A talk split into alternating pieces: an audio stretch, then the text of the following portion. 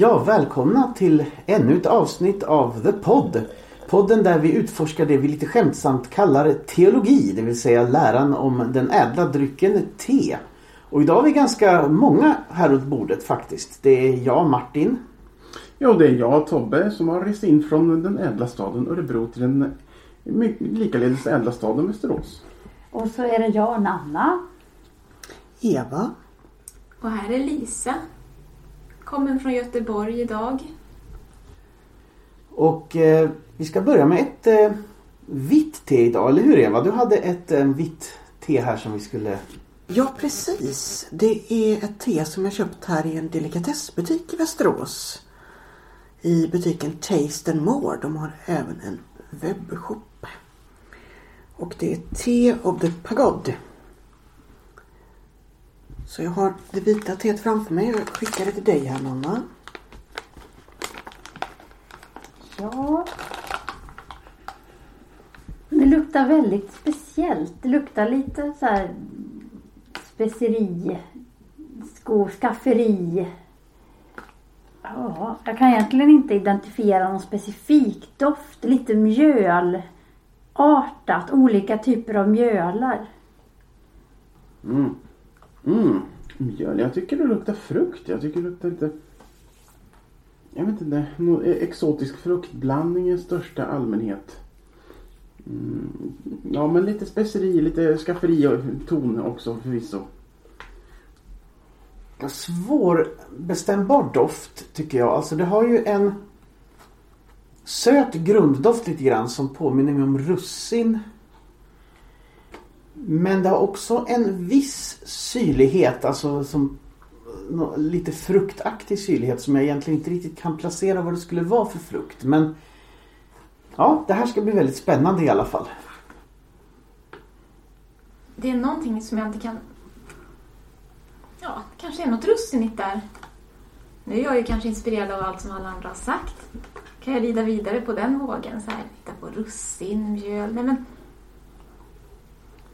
Ja, lite så här, något, något sötaktigt med något annat också. Så det blir spännande att testa det här. Hur det smakar. Absolut. Det luktar sött.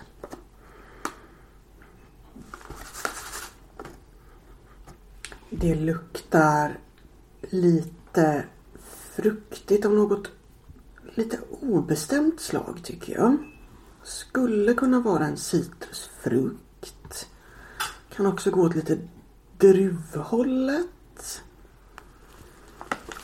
Något som slår mig här när jag tar upp lite te i handen. Det är att vita teer brukar ha stora blad i påsen. Det här har ett pulver. Ja, det var väldigt förvånande. Att finkrossat vitt te var det första gången jag någonsin har stött på i alla fall. Ja, och nu har jag bryggt det här i en tekanna åt oss och då har jag använt ett tygfilter för att det här var så pass finkrossat att en vanlig tesil nog inte skulle ha fungerat tror jag. Det här känns ju som att det är så finkrossat så att det hade nog kunnat hamna i en tepåse. Mm. Och eftersom det är ett vitt te så har jag bryggt det på bara 70 grader. En grundregel som jag upprepat ett antal gånger men vi kan upprepa den igen. Det är att ju ljusare färg på teet eh, ju lägre temperatur ska det oftast bryggas på. Så att vitt te eh, ska oftast bryggas på mellan 70 och 80 grader någonstans där. Och när vi repeterar så kan vi prata om det här med olika färger på te också. Det är ju så att svart grönt, vitt, gult och oolongte kommer alla från tebusken. Ja, men rooibos-teet däremot som oftast kallas rött te är ju en helt annan växt. Som eh, så vitt jag vet växer det väl bara i södra Afrika, Sydafrika, Botswana och länderna däromkring. Medan tebusken å andra sidan är spridd på flera kontinenter. Asien, Afrika, faktiskt delar av eh, Europa tror jag. För räknar väl i alla fall delar av Turkiet till Europa Georgien är det i Europa också. Ja, Georgien, Georgien odlar, odlar te också. Eh, och det har väl, trodde jag förut, tills jag fick reda på Turkiet, så trodde jag att Georgien var det enda land i Europa som odlade te. Men eh, Turkiet hör ju också delvis till Europa så att det får vi också räkna in då. Jag är dock osäker vilken del av Turkiet som odlar te. Om det är den europeiska eller asiatiska delen får jag väl gardera mig med här. Mm. Och du hade ju även hittat att det fanns lite teodlingar i Latinamerika också Martin. Ja, det finns det tydligen. Men det verkar inte vara någon stor grej där direkt. Eh, I många länder där dricker man ju yerba mate som är ett annat örtte. Eh, faktiskt. Men eh, några te, odlingar av vanligt te verkar det finnas även i, i Sydamerika faktiskt. Men ursprungslandet för te är ju Kina. Och det här teet kommer faktiskt från Kina. Ja, det är baserat på ett parimotan-te, det vill säga ett eh, storbladigt vitt te. Man skiljer mellan två huvudtyper av vitt te. Dels de här silver needles då, där man bara har eh, de yttersta toppskotten och de här lite kraftigare då, där parimotan ingår, där, där man även har med ett par blad. Men då kanske vi ska hälla upp och prova det här. Det tycker jag låter som en bra idé. Absolut. Den här tycker jag var trevlig tekanna. Jag tycker om att det är stort handtag på den. Ja. Det som är, jag har emot den där då, det är att det inte finns någon inbyggd sil vilket hade varit väldigt bra. Jag gillar ju den här svängda halsen. Jag tycker det är elegant. Ja, Så en liten tunga under så här så det minskar risken för Precis. spill. exakt. Det gör att teet inte rinner utanför när man rätar upp kannan igen utan att det fångas upp av den här lilla tungan. Gullibullig form. Ja, det tycker jag också faktiskt. Ska vi ta och Ja. lukta på det här i kopparna då? Mm. Och det här blir mysigt. Nu tycker jag verkligen att... eh, Jag kände ju bara mjöldoft i påsen egentligen men nu så kom det mer fruktighet. Jag kan ju fortfarande inte identifiera vilken frukt men russin kanske inte är helt tokigt. Nu, nu kan jag liksom, innan så tänkte jag va? Russin, det känner jag inte alls. Men nu när det är upphällt så Mm. finns det Jag mer. tycker det luktar väldigt gott där nu i upphällt skick. Alltså det, jag tycker det finns blommiga nyanser tycker jag. Ja, Och det är lite... Mm. Det Ja. luktar som kinesisk meditationsträdgård eller någonting. Jag vet inte. Och varför inte? Jag tycker att um, sötman blev lite mindre påtaglig. Alltså det blev lite mer syra i doften tycker jag nu. Ehm, lite mer fruktighet också kanske. Eh, En liten anstrykning av nypon faktiskt i doften tycker jag. Men inte, inte den här liksom skarpa fräna eh, syrligheten utan en ganska mild syrlighet ändå. Mild och behaglig syrlighet ändå. Jag tänker på torkade frukter. Om du skulle öppna en påse med blandade torkade frukter. Varför inte? Mm. Ja, alltså om, om det jag kan Mm. läsa ut av, av doften tycker jag, det är väl att om doften skulle vara en personlighet så skulle det vara en sån här person som är så här, jag är inte jag är inte en dussin person, jag är inte precis som alla andra stöpt i samma form, men jag är väldigt behaglig och trevlig och intressant att lära känna. Och eh, eh, ganska så lätt att ha att göra med. Liksom. Och Wow. behaglig. Men det lät, lät trevligt tycker jag. Absolut. Nu ska vi se om smaken är något vi vill ha att göra med då. Mm. Oj, Åh. vad syrlig metallisk eller någonting. Där i, någonstans i kompositionen. Ja, smaken var mycket syrligare än jag hade väntat mig. Ja. Det var den faktiskt. Men på tungan. det finns sötma också. Mm. Alltså jag tycker russinet är tillbaka lite grann igen i smaken faktiskt. Men vart tog sötman vägen? Det var ju så sött när jag luktade i påsen. Mm. Jag känner kanel när jag smakar på den. Ja, ja, den är ju lite sträv. Och syra. Precis, det, det är någon strävhet där. Det är väl kanske för att de har krossat de här bladen då. Eh, På te, finkrossade de här tebladen Mm. kan, kan man tro. Men jag men jag tycker det är aromat, eller så, det är lite, jag, jag får också den här blommiga känslan liksom fortfarande. jag får lite känslan av någon sorts glögg faktiskt. Mm. Ändå, Mm. måste jag säga. I smaken. Alltså just det här eh, russinsötman blandat med lite kryddighet. Ja, det kom en kryddtouch här som inte fanns tidigare för min del. Sen är det den här starka, lite sträva, lite torra smaken av påste. Tyvärr. Mm, jo. Kan det vara lite den som sticker på tungan? Eller som finns på tungan lite och Ja, efteråt? För det finns något kvar lite på tungan kanske jag kan känna. Efteråt, vad det nu är. Jag dricker ju inte te lika mycket som vissa andra här runt bordet. Men jo men det kan det nog vara. För Påste blir ju mycket, alltså beskan, eller just det här när det är finkrossat som det är i påsar.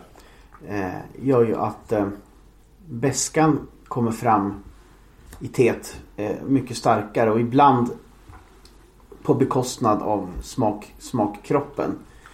Här tycker jag ju fortfarande att smakkroppen finns kvar. Men Absolut. den här beskan och strävheten den finns definitivt där också. Ja, den kom tyvärr och förstörde väldigt mycket för mig. För att ett vitt te vill jag ha väldigt mjukt och lent och det liksom fyller upp hela kroppen med behaglig värme inifrån. Och den känslan får jag inte riktigt här, tyvärr. Nej, det är lite kantigare Mm. än så, sådana teer som fyller upp med den värmen. Men det kan ju i och för sig eventuellt bero på då att det inte är toppskotten på teet utan att det är flera blad med. Då blir det ju lite robustare. Men jag tror ändå inte att det enbart är det. Det är nog pås T-varningen här som ställer till det. Så kanske hade man önskat då i bästa fall att de som gjorde det här teet då inte hade krossat det fint, finkrossat det så här utan att de hade bevarat det mera som större blad. Och då hade det kanske fått en mera balanserad eh, smakkropp och inte, eller inte den här stickiga, lite Mm, precis, det hade man nog tjänat på. Ja. Absolut. För jag tror att det här teet kan ha potential. Mm. För vita teer brukar vara väldigt goda. Mm, jag tyckte rätt bra om det här ändå faktiskt. Men, men full poäng blir det inte. Alltså, jag, jag, vill ju ändå ge ett minus för eh, finkrossningen som jag tyckte hade varit bättre att låta bli faktiskt. Nu känns det ju som att jag bara har dissat det här teet. Men det, trots sin finkross så var det ju ett trevligt te. Absolut. Ja det tycker jag. Alltså jag är nog ändå beredd faktiskt att ge det här fyra Ja jag ger det faktiskt fyra solida koppar ändå trots Trots finkrossen. Men det hade kanske blivit högre om det hade varit hela blad. Det, det är nog sant. Men vad tycker ni om smaken med apelsin står det på förpackningen. Ja, jag skulle inte ha gissat att det var apelsin just men när, nu när du har sagt det Då känner jag igen syrligheten som apelsin faktiskt. Jag tyckte det fanns med i doften lite så men, men Ja, inte så mer i, doft, mer i doften än smaken ja. Nej men alltså. Jag tycker att det var ett väldigt välbalanserat och gott te. Eh, trots sin lilla, lilla strävhet. Så att eh, jag ger alltså The Pagode från eh, Taste and More i Västerås. Tre koppar av eh, fem. Jag följer ditt exempel med tre av fem Det var absolut helt okej. Jag skulle inte ha något emot att bli bjuden på det men det hade inte riktigt eh, den där känslan som gjorde att jag ville köpa det själv. Det var lite för kantigt på något sätt. Lite för beskt på fel sätt eller hur man ska uttrycka det för att få högre betyg än så. Men absolut helt okej. Jag får försöka bortse från min initiala besvikelse för jag hade väntat mig något helt annat, mer subtilt än vad det här var. Men om jag försöker att dricka det här teet helt förutsättningslöst så är det ju ändå ett trevligt te. Inget jag kommer att köpa någon mer gång. Men det är ju inte obehagligt eller skumt så. Men det hamnar i mitten på skalan, en trea. Mm. Alltså, jag tror jag sätter en trea. Tre tekoppar. Jag skulle nog inte heller i första taget kanske köper just det här teet. Det kanske hade varit liksom mer behagfullt om det hade varit okrossat, vad vet jag. Men det kanske hade varit så. Och, och då hade jag kanske fått en fyra istället. Så jag tänker den här personen då, den här personlighet, smakpersonligheten som jag tänkte var lite unik men, men liksom behaglig eller så. Eh, den personen kanske hade lite, hade fått ryggskott den här dagen eller någon liten magkatarr kanske. eller någonting. Som gjorde att det blev lite...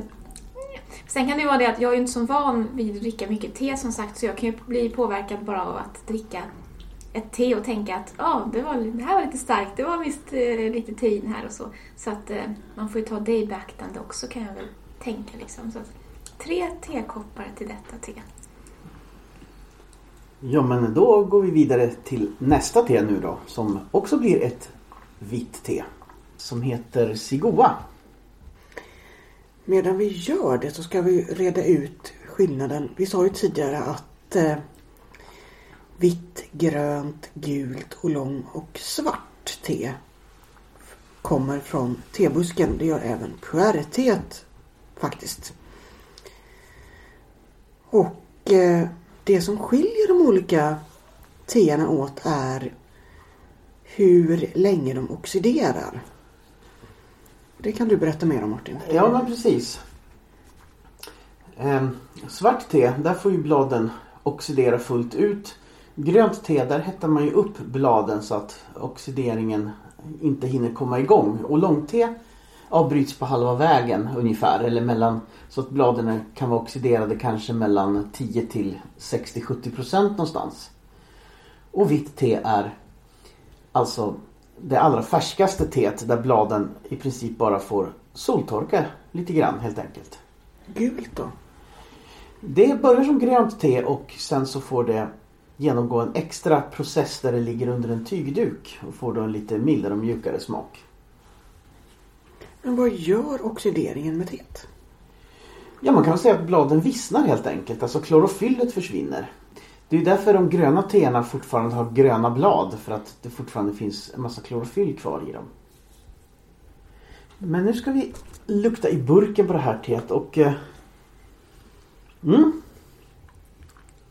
delikat doft tycker jag. En liten diskret men fruktig doft helt enkelt.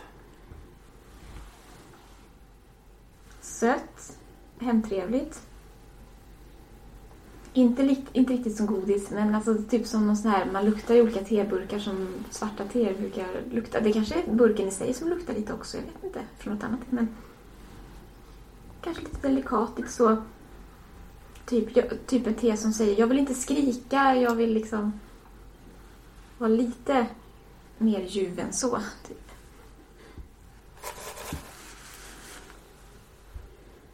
En trevlig, diskret fruktdoft.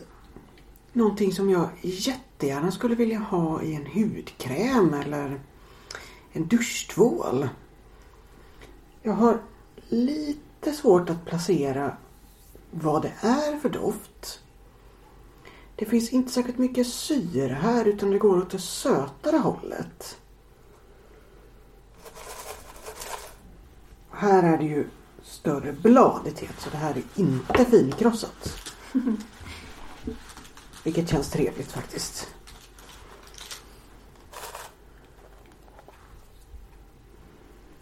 Ja, det är mjukt och det är fruktigt fräscht men ändå sött.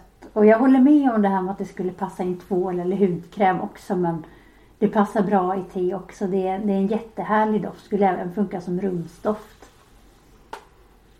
Inget kemiskt kanske jag ska tillägga. För en del tvålar och duschkrämer och så har ju en kemisk doft och det är absolut inget kemiskt här. Nej, det är verkligen en naturlig mjuk doft. Men när du säger hudkräm så måste jag faktiskt inflika att där håller jag med. Det hade jag inte tänkt på själv. Men jo, det, det luktar faktiskt som en hudkräm skulle kunna lukta. Alltså jag får, kän- jag får känslan av liksom, frisk morgondagg på, på något vis. Det är lite, det är den här lite bladfriska morgondaggen lite grann. Mm, och luktar jag i koppen så nu, det, tycker jag faktiskt doften är lite sötare än den var i burken. Fortfarande mjuk, diskret. Eh, jag tänker fortfarande salva faktiskt, hudkräm eller ansiktskräm eller någonting sånt. Det, det, det gör jag. Men en mjuk, len, behaglig, eh, lite söt och hemtrevlig doft. Det blev ännu mjukare doft i koppen tycker jag. Ja, och ännu sötare, det håller jag med om. Men riktigt härlig doft. Och nu kände min näsa det som att nu kom vattenmelonen fram på något sätt. Alltså, det kände jag nog inte i påsen för min del först. Så I påsen när vi luktade, men här i koppen så ja, där, där kändes det som vattenmelon. Ja, jo, men det är tydligare gör Mm, jag med. Mycket tydlig melon-touch. Och då har vi ju sagt det också att det här teet är ett te då som är smaksatt med just vattenmelon. Spännande. Jag har aldrig druckit vattenmelonte förut. Men när ni säger det, absolut melon. Mm. Och det här är ett av de godaste te jag vet. Jag tycker också om det. Det är sällan man får tag på det. När, när man hittar det så då får man passa på helt enkelt. Det är så mysigt och samtidigt fräscht. Jag skulle vilja dricka det här som iste för det känns som att det skulle vara väldigt svalkande en varm Mm. dag. Kanske ingen dum idé alls faktiskt. Nej, Nej men absolut. Det, det tror jag skulle kunna funka.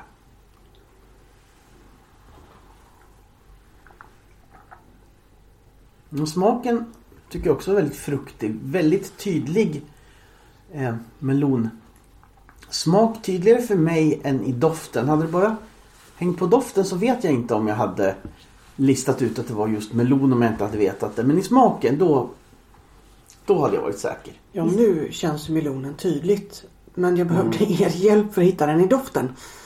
Men här är det ju ingen tvekan, det är melon. I smaken så finns det också en gräddig underton tycker jag. Och det balanserar melonen på ett sätt som gör att det blir jättegott, mjukt och härligt att dricka. Mm. Jag blev nog rätt så bes- rejält besviken när jag började dricka för att teet var för starkt för just min tunga just nu för att jag inte är så, dricker så starkt te till vardags eh, så jättemycket. Så att eh, det var nog det som hände för mig och det ligger lite teblad kvar i, eh, i koppen som kanske gör att det blir ännu starkare medan det står och, och extra drar lite så så att, eh, men det kändes nog lite så den här vattenmeloniga smaken där också. Mm. Mm. Jo, tyvärr så hade jag ingen sil i kannan den här gången utan då följer ju några av bladen med också. Men direkt starkt tyckte jag inte att det blev utan jag tycker fortfarande att smaken är mjuk och, och subtil. Alltså det går väl om man verkligen anstränger sig att få vita te riktigt starka men då, de, deras kännetecken är ju oftast att de är ganska milda i, i sin framtoning om man jämför med de flesta andra tetyper. Jag tycker att det här teet var betydligt mildare än det förra teet. Ja, jag tyckte också det faktiskt. Den Mm. det är strö- intressant. Vi... Mildare och rundare liksom. En, en, och nu, nu bara den här känslan, den här, den här sköna känslan av, som man får av vitt te. Den här inre värmen liksom. Det, det, det känns, tycker jag nu när man dricker det här. Mm. Fast smaksättningen var tydligare än på det förra teet. Den var lite mera odefinierbar där. Det fanns en smaksättning men det var inte så att det lätt gick att definiera vad det var för någonting. Nej, precis. Här är nog smaksättningen tror jag tydligare än själva tesmaken egentligen. På det förra teet så så var det kanske lite mindre smaksättning och mer, mer tesmak egentligen. Det blir lite aning obalanserat tycker jag. Det, jag hade velat ha en lite tydligare tesmak. Samtidigt som jag tycker om melonen. Mm. Och det gör ju att jag vidhåller det här med isteet. För att de vill jag gärna ha väldigt fruktiga. Mm. Men det här är absolut ett gott och trevligt och spännande te. Och jag är glad att jag har testat melonte för det skulle jag nog inte kommit på att köpa själv. Men jag sitter bara här och njuter. Om jag ska börja med att sätta betyg den här gången så för mig är det här en självklar femma. Jag som inte dricker så jättemycket te utan mer kanske kaffedrickare hemma annars. Det här är ett ett av de få teer som jag faktiskt skulle kunna köpa hem själv och som faktiskt skulle bli uppdrucket då. Ja, jag ger åtminstone fyra generösa koppar te till Sigoa den goa. att, eh, ja men, ja men det var en höjdare helt enkelt. Det, det kändes gött i magen och det var, kändes gött i gommen. Så att, helt fantastiskt helt enkelt. Ja, jag ger det fyra och en halv. Det kommer inte riktigt upp till fem för mig. Men fy, fyra och en halv. Det är också ett te som jag har druckit ett antal gånger förut.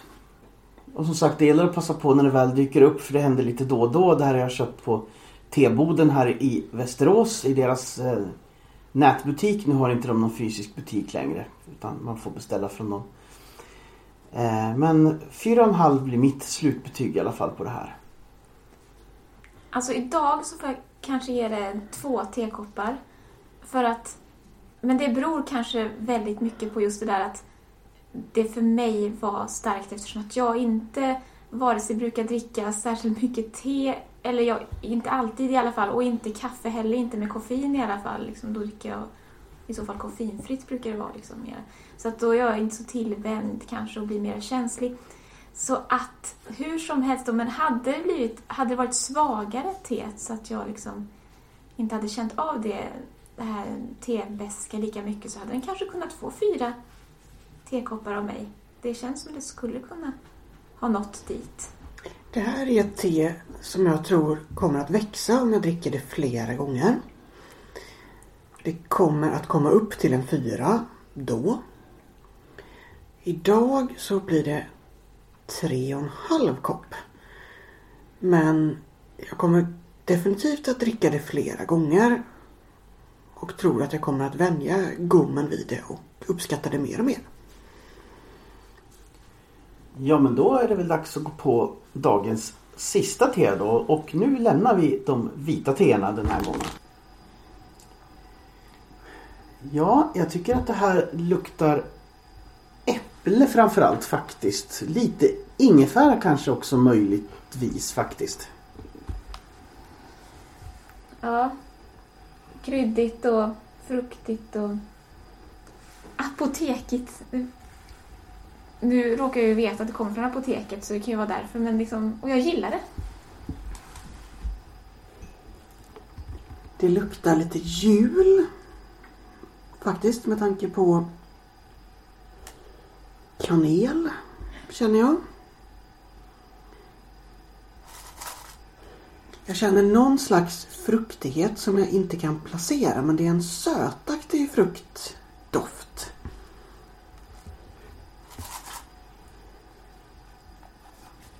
Ja.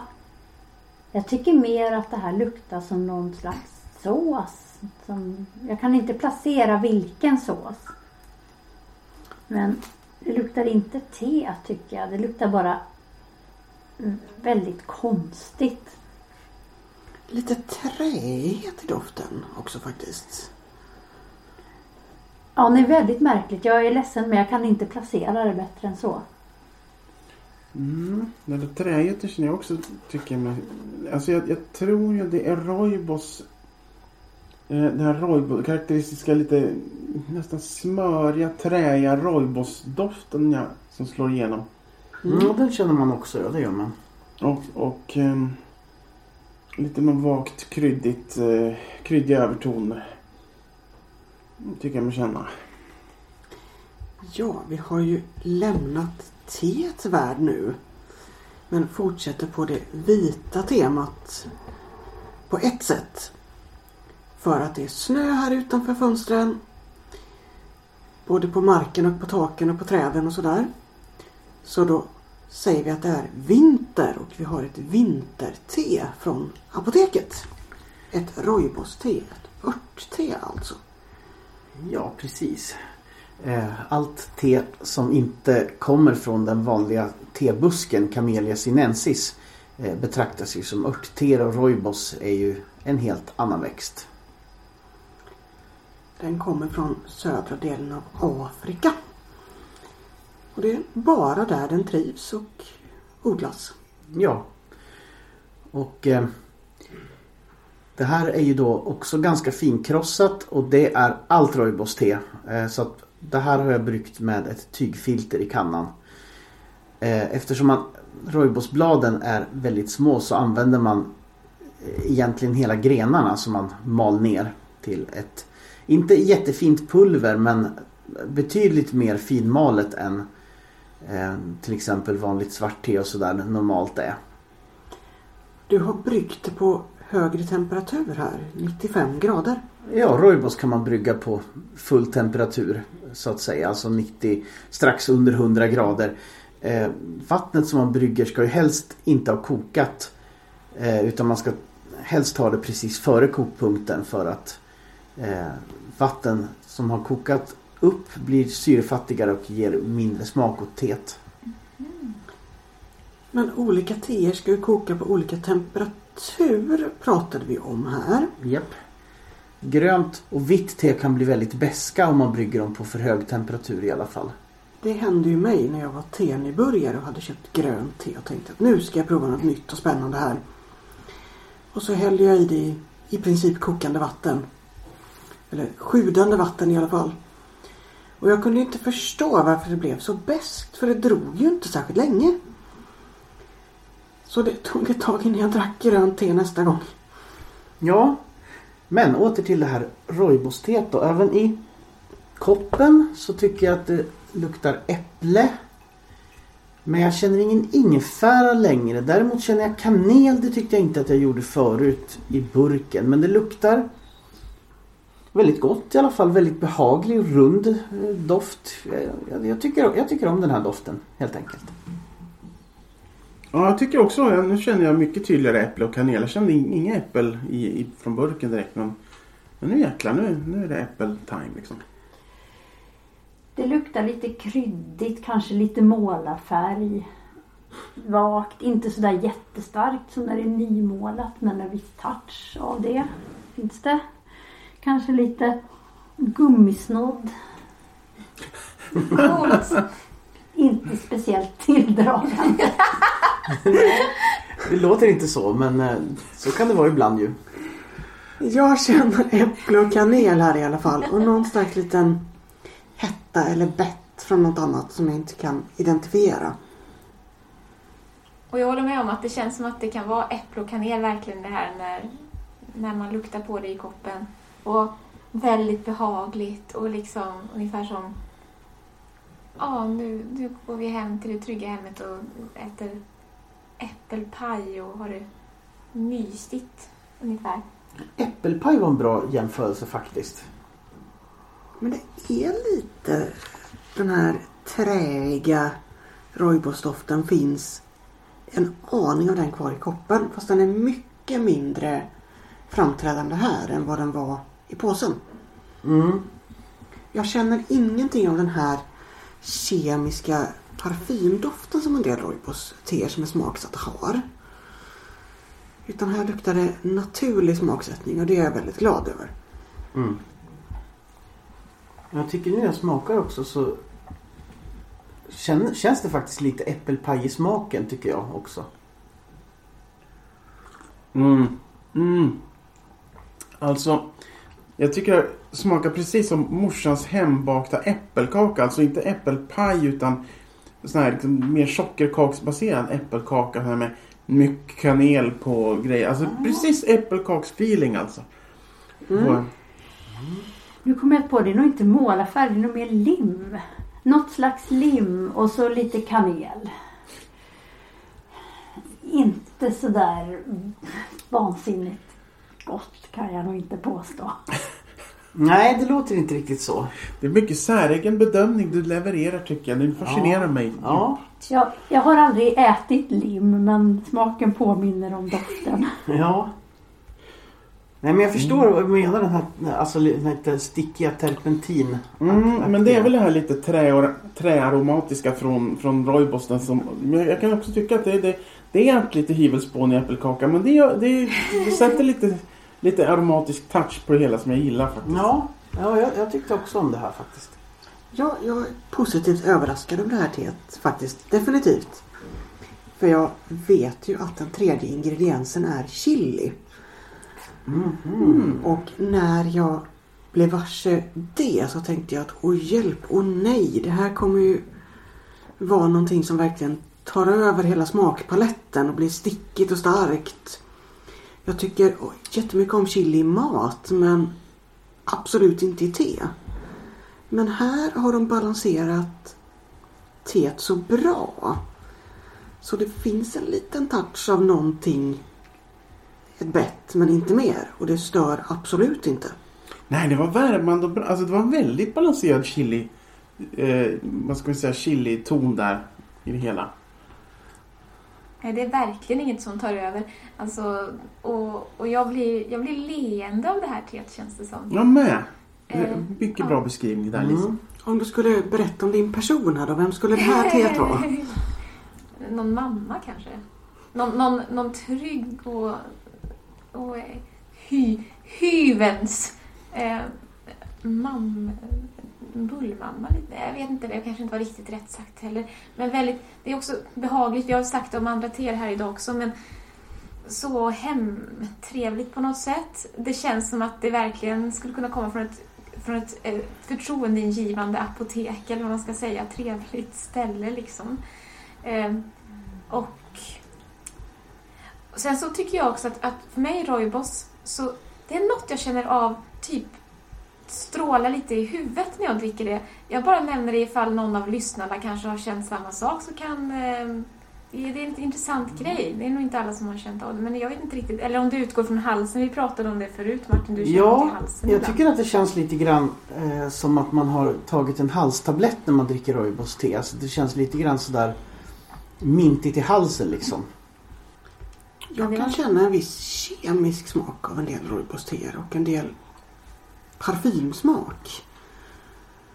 Och det tilltalar inte så jättemycket men det här fanns ingenting av de två komponenterna i det här.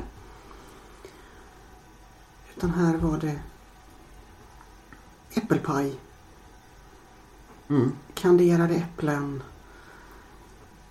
Men också någon slags att du har grillat äpplena över öppen eld för att du har trätouchen kvar. Och det är väl grenarna från roibosen som får den här trätouchen då. Ja. Jag är också glad över att chilin inte tog över så pass mycket för jag brukar inte heller Alltså jag älskar chili i mat men jag brukar inte tycka om det i godsaker eller i te normalt. Men här, här tycker jag att det funkar faktiskt. Det är ju säkert en vattendelare det här med chili i teet. En del skulle säga ja, häll i mer. Och andra skulle precis som vi säga att na. Samma sak med ingefära i te. Det är också verkligen en vattendelare. Jag har lite svårt för det. Om jag inte är superförkyld och behöver rensa näsan då kan ingefära vara bra. Annars så håll det i min mat, inte i mitt godis. Och inte i mitt te tack. Jag tror det var, jag tror det var chilin jag associerade till ingefära när jag doftade först alltså. Eh, För att jag tyckte att det hade den här lilla stickiga som jag då associerade med ingefära men som nog var chili istället. Och mm, om jag skulle sätta betyg på det här, då skulle jag kanske säga uppåt nästan, nästan fyra och en halv tekoppar. Det, för det fick mig liksom att le på något sätt känns det som. Och det var så trevlig smak och fint eh, avvägt eh, kan jag nog tycka liksom och väldigt fin smak. Och jag tycker om kryddor också i te liksom och det var ju en del kryddor som sagt så och rojbos kan jag uppskatta så att, ja, det är jättetrevligt te. Mm. Jag sitter och tvekar. Jag tror inte riktigt att det når upp till en solid fyra för mig. Men kanske tre och en halv eller tre och tre fjärdedelar. Tre och en halv kopp plus ett löst öre eller någonting sånt kanske. Får det nog bli. Sluta på. Ja, men jag kan nog också ge det en fyra. Alltså, det, var, alltså det, det är nog kanske en av de godaste rooibos-teen jag druckit. Kanske det ro- godaste rooibos-teet jag druckit rätt av. Eh, så att, jag, jag brukar inte vara en jättefan av rooibos i vanliga fall. Men här gillade jag faktiskt det här ganska skarpt. Så jag ger en fyra. Jag ger en etta för att eh, jag tyckte mest att det var konstigt. Och rooibos ska jag säga också i ärlighetens namn har aldrig varit min grej. Jag har aldrig hittat något rooibos som jag varit så förtjust i. Så det är väl det som slår igenom här också. Jag kände inte de här goda smakerna så mycket som alla de andra här har beskrivit utan jag kände mer utav den här limartade smaken som jag inte uppskattade. Jag ger det här teet 3,5 kopp. Det kommer att ha potential att stiga upp mot en fyra koppar av fem. Men jag behöver dricka det några gånger till för att det ska komma upp där. Men jag ser fram emot nästa kopp av det här teet. Definitivt. Och jag vill även prova fler teer från apoteket. De hade ett svart, ett grönt och ett rött i sitt sortiment. Så jag kommer nog att köpa de andra två vid tillfälle. Ja, det kunde vara spännande. Och om någon av er som lyssnar har något tips på ett te som ni absolut tycker att vi borde prova så hör gärna av er till oss och, och förmedla tipset. Vad är adressen som ska mejla till Eva?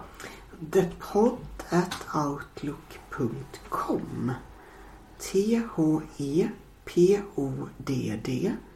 at outlook.com Ja, mejla oss gärna också om du vill medverka. Om du, vi vill gärna ha med dig som kommer från någon kultur som har något spännande te eller tillagar eller serverar teet på något spännande sätt. Så kom gärna hit och eh, låt oss prova. Och följ oss också gärna på Facebook. Där vi finns så ser du snabbt när det kommer ett nytt avsnitt. Absolut. Men tills dess så får vi önska en trevlig vinter. Och säga teskål! Te- Skål!